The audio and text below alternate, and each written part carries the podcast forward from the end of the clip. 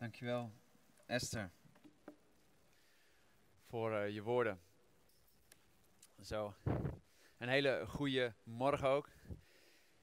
Uh, ik kijk er erg naar uit. Zoals Esther al zei, zijn we bezig met een, uh, beginnen vandaag met een nieuwe serie. En dat zal zijn Impact. We zijn net klaar met de serie in januari over het thema kerk zijn. We hebben gekeken naar het leven van de eerste gemeente de eerste christenen, hoe zij leefden. En het gevolg daarvan was dat zij impact hadden. Je zag dat de mensen dagelijks toegevoegd werden aan het leven van die eerste christenen.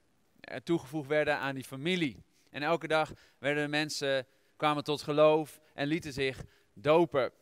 Dus dat betekent, en dat is ook wat wij geloven hier in deze gemeente, dat de kerk is geroepen om impact te hebben in de samenleving. Dat is waar we voor geloven en dat is waar we voor willen gaan. En vandaar ook deze serie vandaag. Want een ontmoeting met de Heer Jezus heeft impact. En dat is alles wat we hier ook willen doen, is die ontmoeting met Jezus faciliteren, zodat mensen aangeraakt worden door Hem. En dat kan niet anders dan dat dat impact heeft. Want dat heeft het gehad op mijn leven en op vele andere mensen.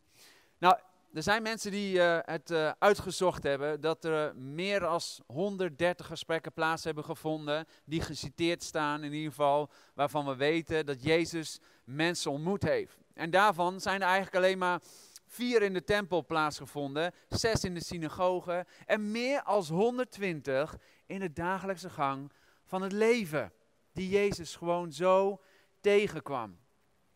En dat is dus bijzonder, ook voor ons, dat die impact hè, vindt plaats gewoon in de dagelijkse gang van het leven. En deze ontmoetingen gingen altijd gepaard met geloof. Het waren allemaal unieke levenssituaties en momenten, bijzondere mensen, maar het ging altijd gepaard met geloof. En dat zien we ook vandaag als we kijken naar de vrouw uit Canaan die Jezus ontmoet. We zullen dus op antwoord van de preek, zoals al gezegd wordt, samen met elkaar avondmaal vieren. En dat bewust gedaan, want de kracht van het avondmaal, wat Jezus voor ons heeft gedaan, wie hij was, dat zien we ook in dit verhaal terug. Dit is een bijzonder verhaal.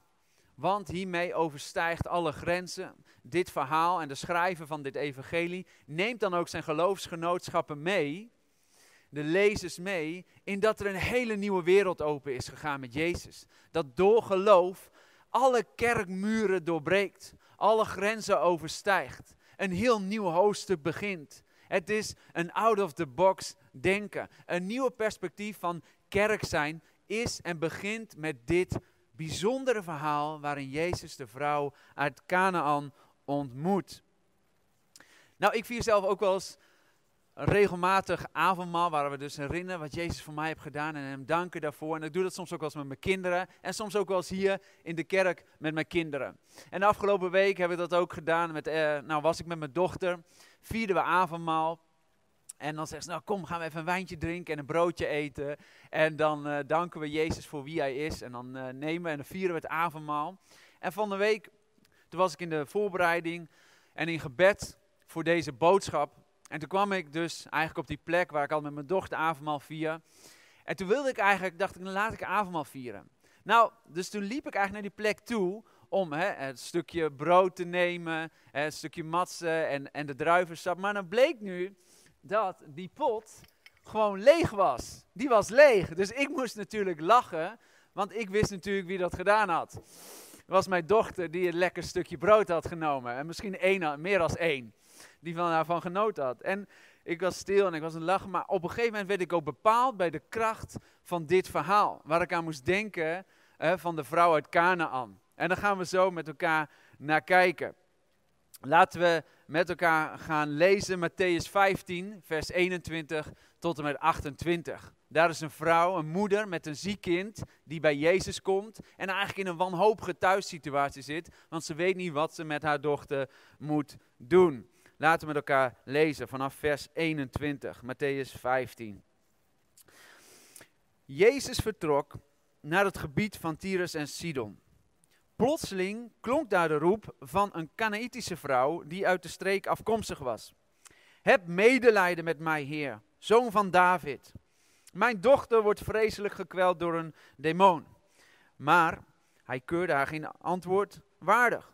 Zijn leerlingen kwamen naar hem toe en vroegen hem dringend: Stuur haar toch weg, anders blijft ze maar achter ons aanschreeuwen. En hij antwoordde: Ik ben alleen gezonden naar de verloren schapen van het volk van Israël. Maar zij kwam dichterbij, wierp zich voor hem neer en zei: Heer, help mij. Hij antwoordde: Het is niet goed om de kinderen hun brood af te nemen en het aan de honden te voeren. Nou, misschien heb je die zin wel ooit eens gehoord. Ze zei: Zeker, heer, maar de honden eten toch de kruimels op die van de tafel van hun baas vallen. Toen antwoordde Jezus: U hebt een groot geloof. Wat u verlangt, zal ook gebeuren. En vanaf dat moment werd de dochter genezen. Matthäus 15, vers 21 tot en met 28. Het verhaal van de vrouw uit Canaan. Nou, en dit verhaal, zoals ik al zei, heeft impact op de geloofsgeschiedenis gehad. En dat wil ik je dus laten zien vandaag in vers 21. Ik neem je even mee in deze zeven versen. In de eerste vers zien we dus dat Jezus vertrok uit Jeruzalem, uit Israël, uit zijn eigen land, waar hij eigenlijk verbleef, vertrok hij. En dat deed Jezus niet zomaar, want hij was op de vlucht. Jezus is vaker op de vlucht en dit is de zevende keer waar Jezus op de vlucht is, maar ook de laatste keer. Dat kwam eigenlijk door de fariseeën, de schriftgeleerden, die Jezus eigenlijk, eh, eigenlijk na, achterna zaten. En ze geloofden niet in hem, wie hij was en wat hij kwam doen.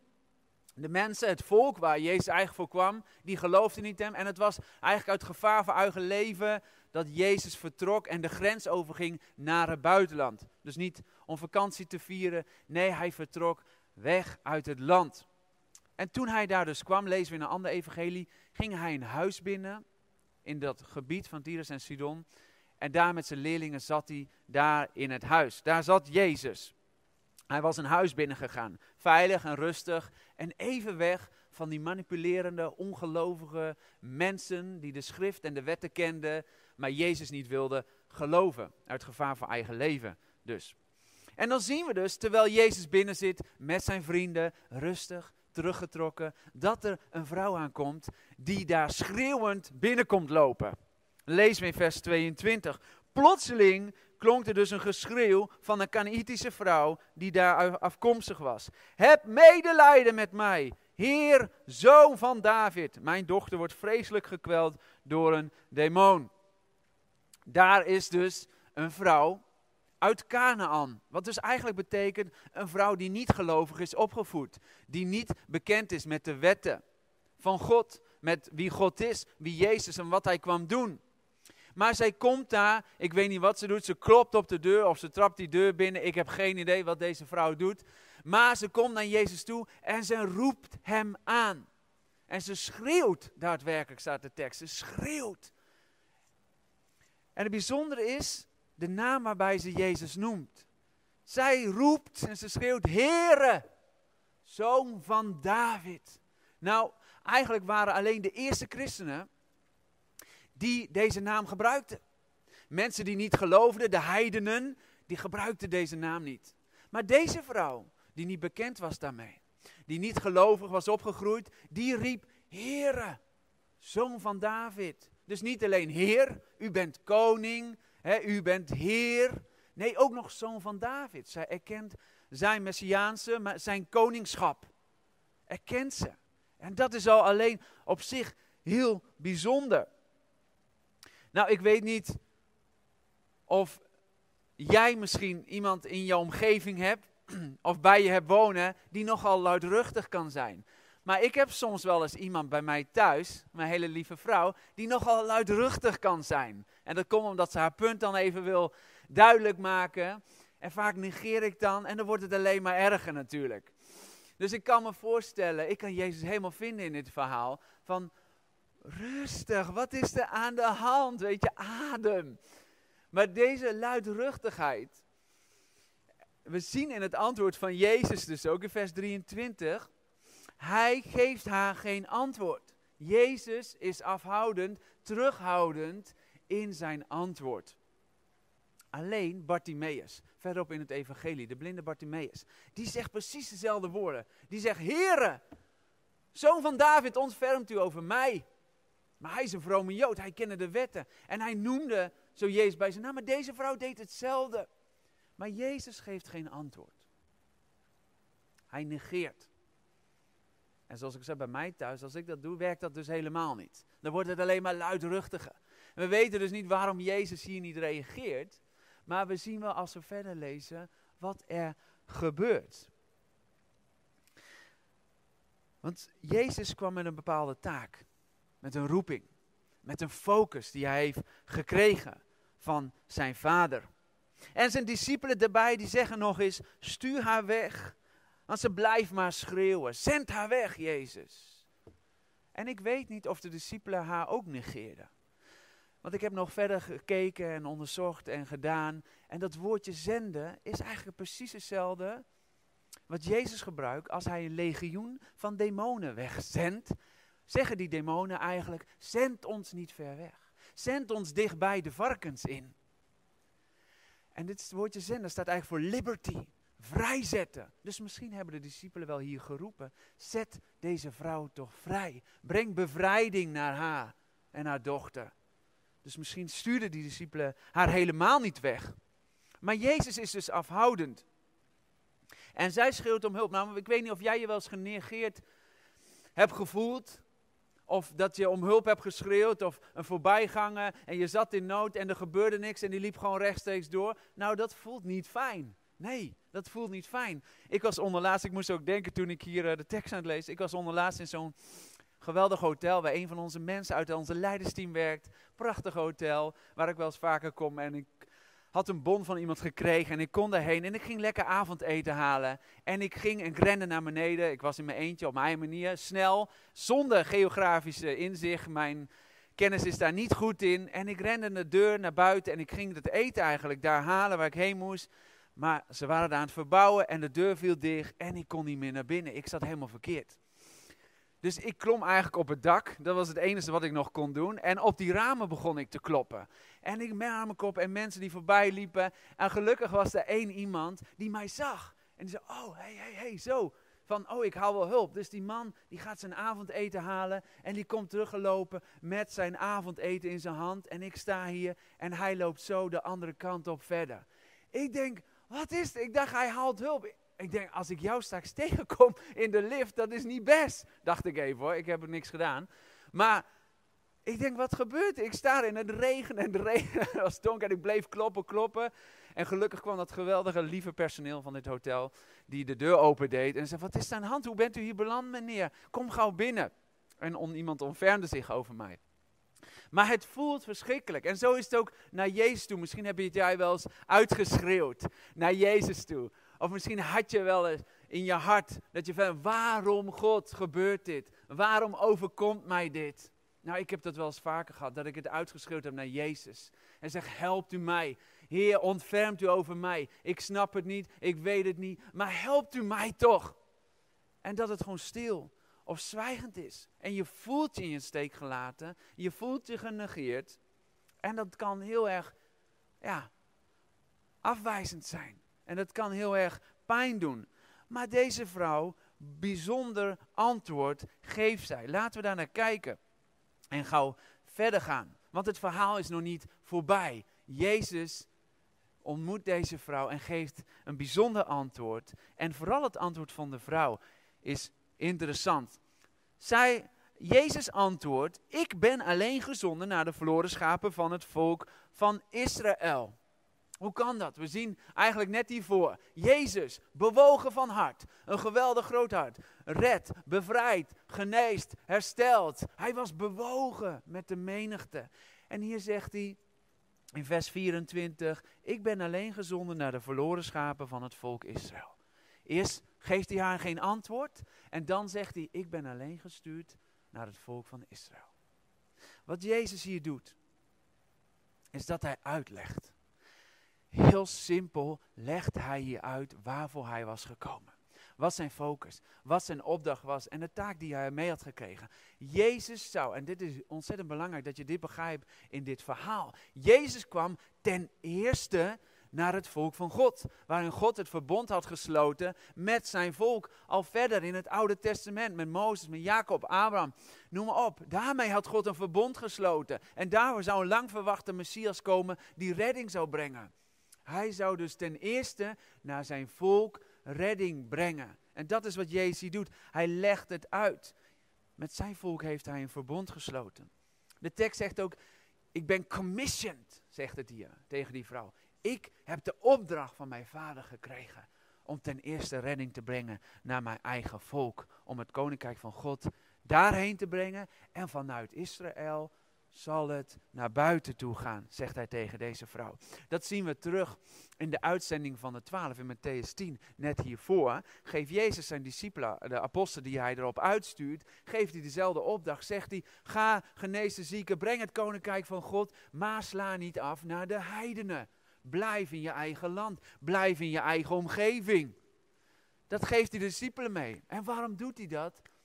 Omdat hij geroepen is vanuit Israël, vanuit onze eigen volk, zal het voortgebracht worden. Ten eerste voor ons eigen land en onze eigen omgeving. Pas later, in Pinksteren, zien we dat gebeuren. Bij de grote opdracht, deze 28 zien we dat gebeuren, waarin Jezus zegt, ga en maak discipelen van alle volken. In Pinksteren gebeurt als de Heilige Geest komt, zegt Jezus, wacht. Wacht tot je kracht ontvangt. Wacht, want dan zullen mijn getuigen zijn. Waar? Waar? In Jeruzalem, Judea, dan in Samaria. Dan naar de volken. Ten eerste kwam Jezus voor het verbond en het volk van God. En misschien weet jij niet wat jouw taak is, of wat jouw roeping is als gelovige die bijhoort bij het volk van God, dan wil ik je vast aanmoedigen, breng het koninkrijk van God in jouw omgeving in jouw omgeving, in jouw gebied. Breng het koninkrijk van God bij jouw buren, bij jouw familie, bij jouw vrienden, bij jouw collega's. Daar waar God, waar je werkt, waar je woont, waar je leeft, mag jij het koninkrijk van God brengen. In jouw omgeving. Begin daar. Maar de vrouw, laten we verder lezen, vers 25. Zij kwam dichterbij en zij wierp zich voor Jezus neer. En zij zegt hier, smeekt hier, Heere, help mij. De vrouw is volhardend. Maar ze begrijpt het antwoord van, de, van Jezus. En ze valt uit wanhoop neer.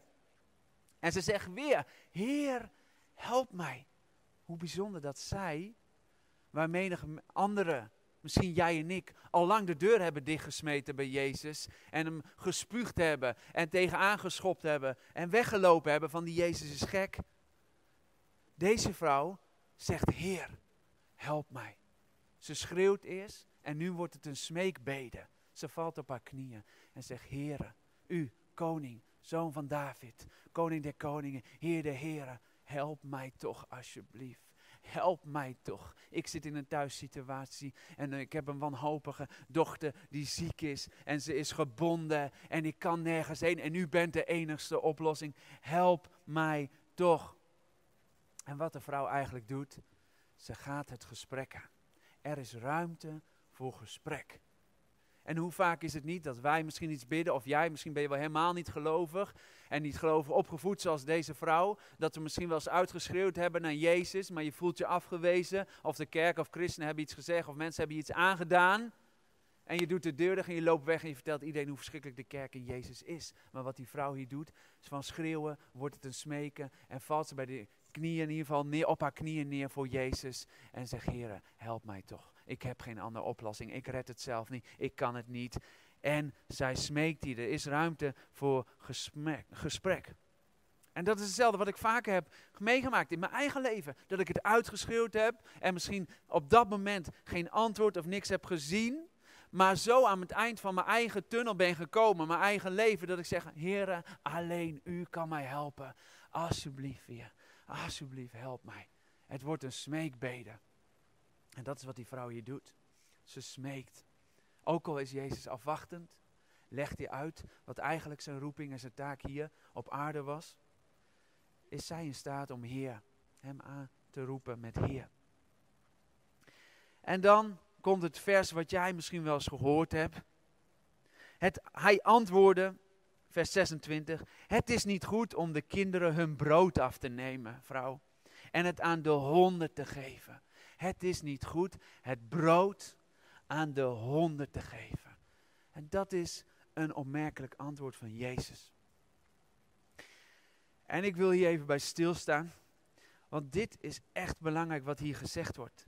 dit, als je vele preken hoort en luistert hierover en het naleest en opzoekt in de grondtekst, dan zie je dat de meesten zeggen, hij scheldt haar uit.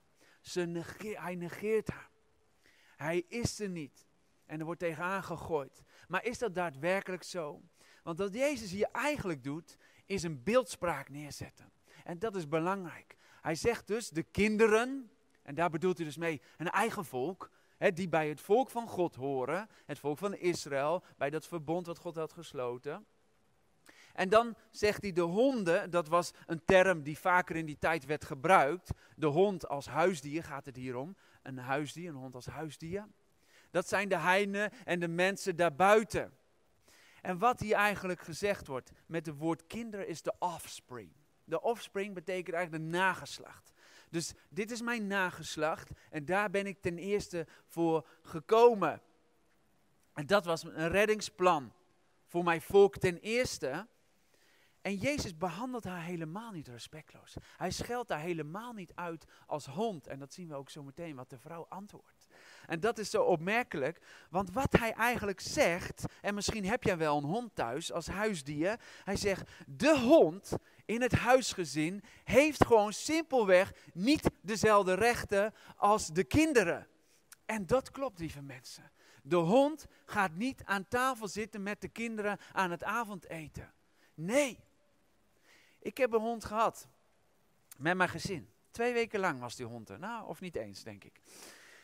Die dacht dus dat hij ook dezelfde rechten had. Die zat op de bank, at het brood van de kinderen uit de hand. Die, die zat bijna aan tafel, zo sprong hij. Hij deed overal zijn behoeften en hij dacht dat hij de baas was.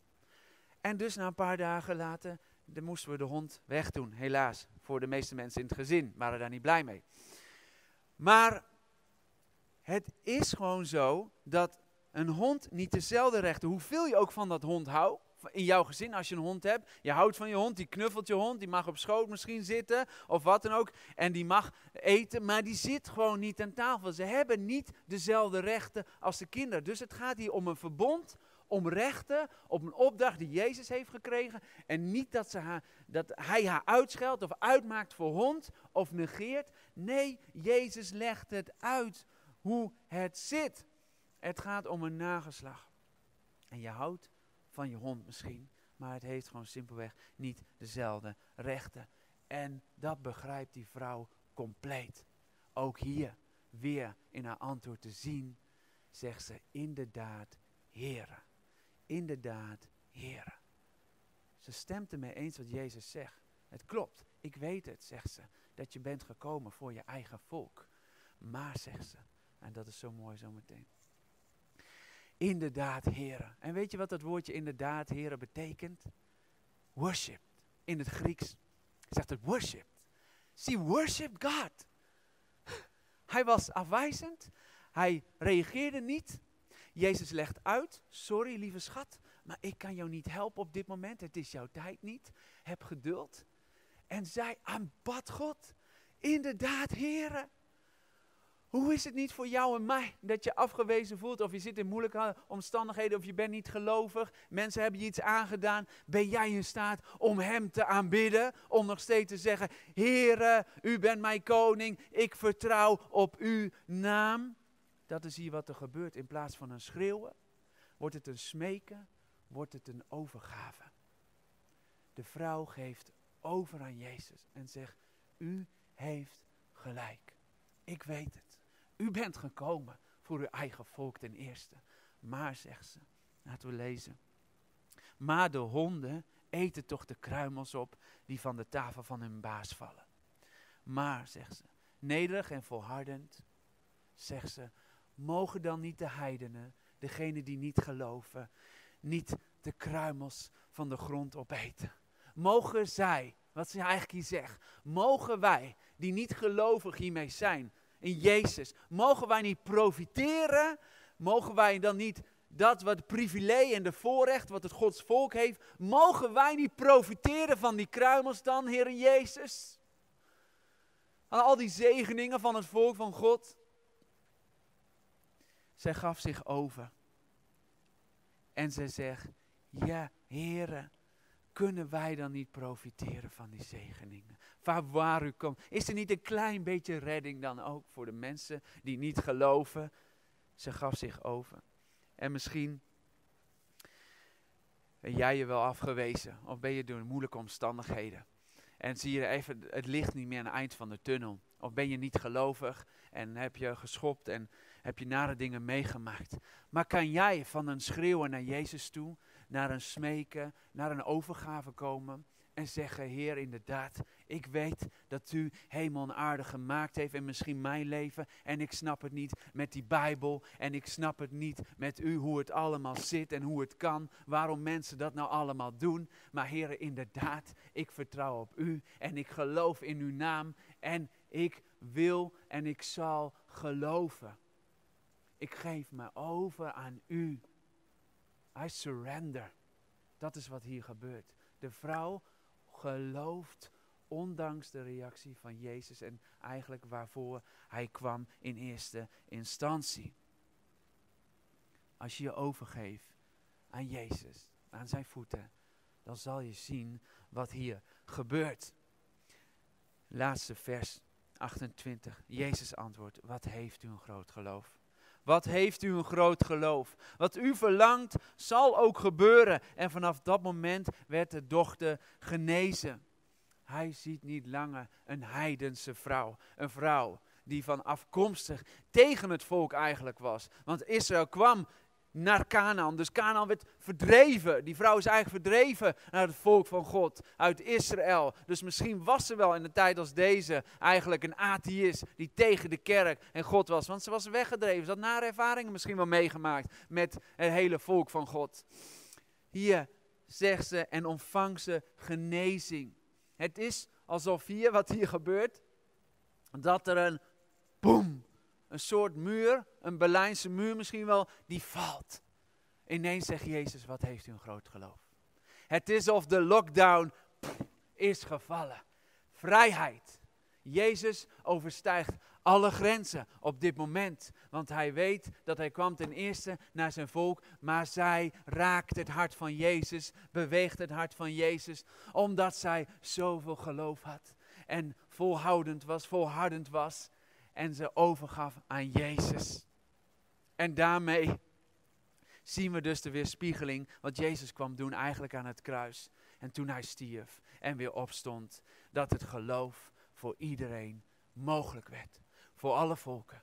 Voor een ieder, of je nou gelovig bent of niet. Jezus buiten zijn grenzen, buiten Israël, ontmoet deze vrouw. En deze vrouw zet even de geloofsgeschiedenis op nul.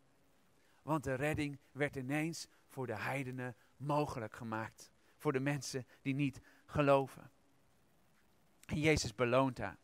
En Gods redding is daarvoor, lieve mensen, niet alleen voor het volk van God. Dat is wat we terugzien in dit verhaal. Het geloof, de reddingsplan van Jezus, wordt mogelijk gemaakt voor een ieder die gelooft en hem aanroept met Heere, zal gered worden.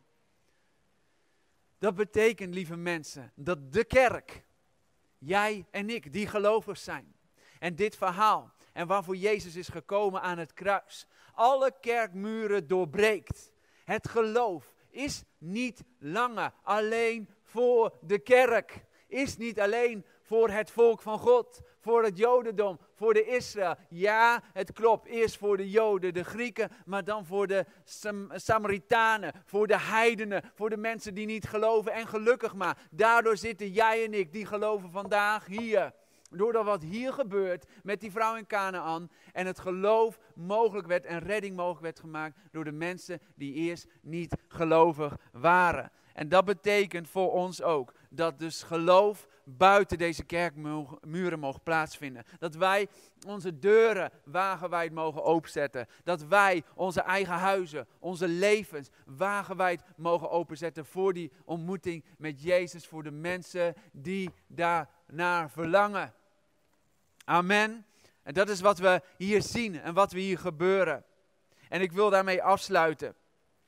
Dat, en daarmee vieren we nu het avondmaal. Dat het brood, het brood wat, wat Jezus over sprak, eigenlijk is een symbool voor Gods voorziening, voor Gods trouw. Het brood wat uit de, uit de hemel kwam vallen in het Oude Testament, een manna. Zag voorziening.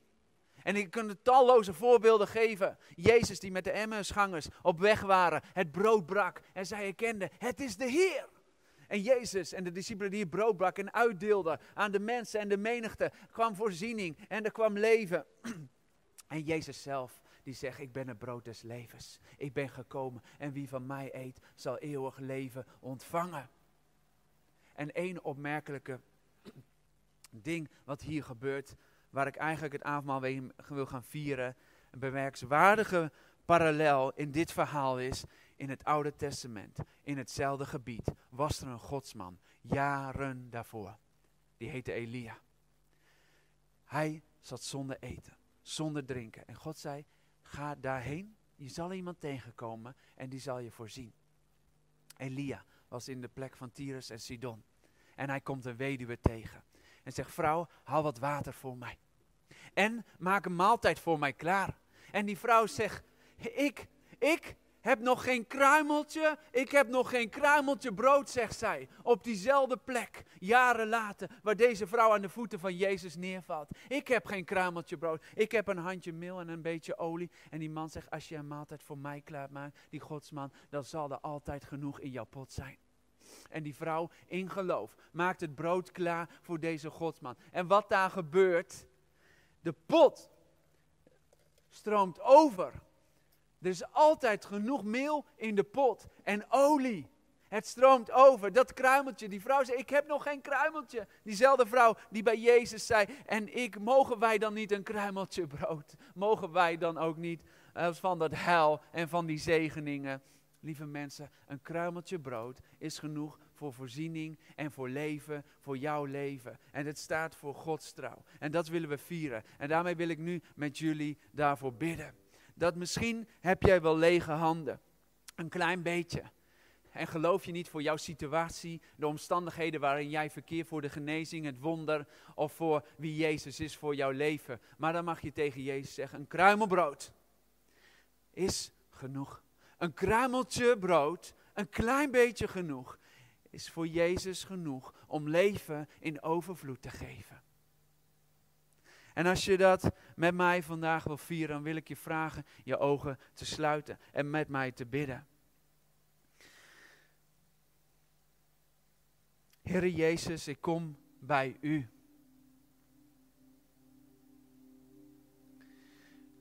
U weet dat mijn leven niet altijd even makkelijk is geweest. Moeilijk. Dat ik dingen heb ervaren die me pijn hebben gedaan. Heere Jezus, ik snap het niet altijd, ik begrijp het niet. Maar ik kom hier met een kruimeltje geloof. En ik wil u vragen of u mij leven in overvloed wil geven. En dat u mij dat zal geven waar ik zo naar verlang. Heren, ik schreeuw niet alleen naar u. Ik smeek u niet alleen, heren. Maar ik geef mijzelf over. Ik geef mijn leven aan u. Ik vertrouw op uw naam. U bent Heer van mijn leven.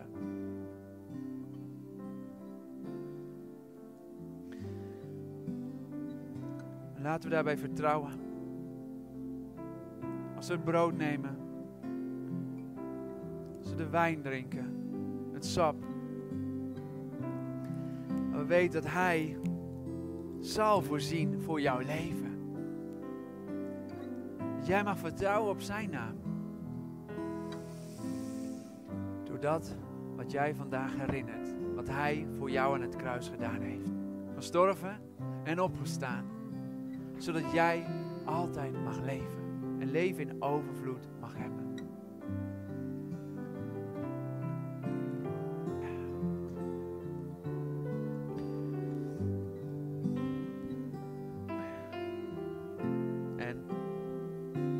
Mogen we weten, als jij gelooft en jij met God leeft, Jezus navolgt, dat jij kruimeltjes brood hebt gekregen van Hem om uit te delen naar de mensen om jou heen.